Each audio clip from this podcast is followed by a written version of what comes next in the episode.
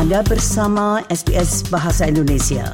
Dapatkan lebih banyak lagi cerita bagus di sbs.com.au garis miring Indonesia. Para pendengar sekalian, badan-badan amal melaporkan lonjakan permintaan menjelang Natal karena tekanan biaya hidup memaksa banyak keluarga bertanya-tanya bagaimana mereka mampu membeli hadiah atau bahkan makanan. Salvation Army mengatakan hampir satu dari sepuluh orang akan bergantung pada dukungan amal untuk bertahan hidup pada Natal tahun ini.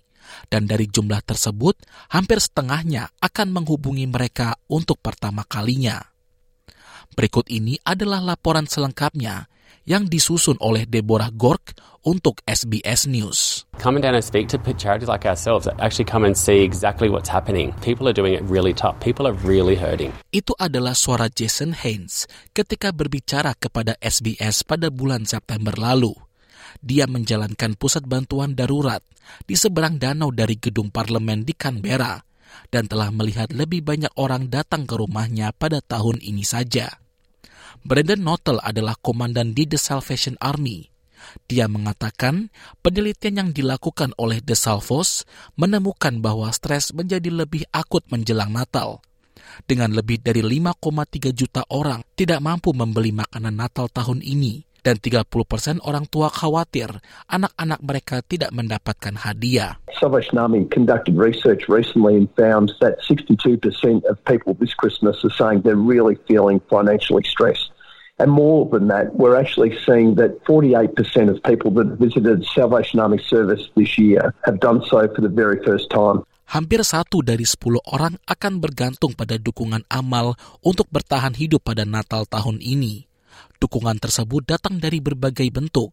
Di Victoria, Council of Homeless Persons mengatakan orang-orang yang mengalami tunawisma, mengalami kesulitan, atau membutuhkan teman akan dapat menikmati makanan di lebih dari 20 acara gratis di seluruh negara bagian dalam beberapa minggu mendatang.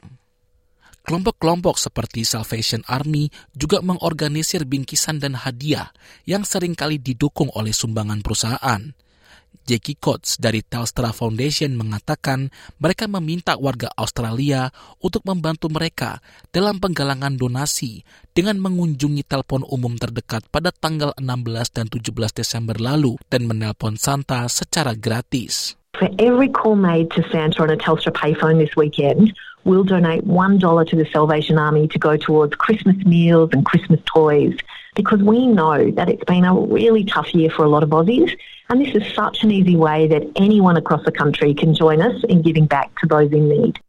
Para sukarelawan di Hobart City Mission di Tasmania sedang menyortir mainan sumbangan dan bahan makanan yang tidak mudah rusak ke dalam tas keranjang untuk mereka yang berada di komunitas yang mengalami kesulitan.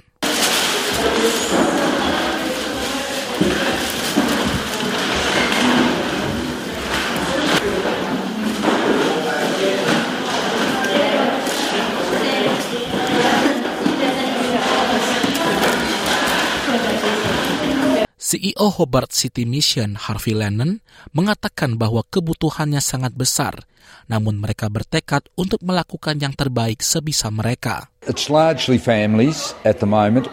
Uh, we're seeing more uh, working poor, people who are employed uh, but just aren't making enough to meet the costs of uh, the basic necessities of life. Brandon Hotel mengatakan dia tidak ingin orang-orang merasa malu untuk meminta bantuan atau merasa seperti mereka sendirian di saat yang seharusnya menjadi waktu yang menyenangkan dalam setahun dan dia mengatakan bagi mereka yang mampu untuk berdonasi, memberi adalah cara untuk menunjukkan bahwa ada orang-orang yang peduli serta memberikan harapan untuk masa depan. It's really important for people to connect at this time of the year because I think people are often reminded of what they don't have and they end up isolated.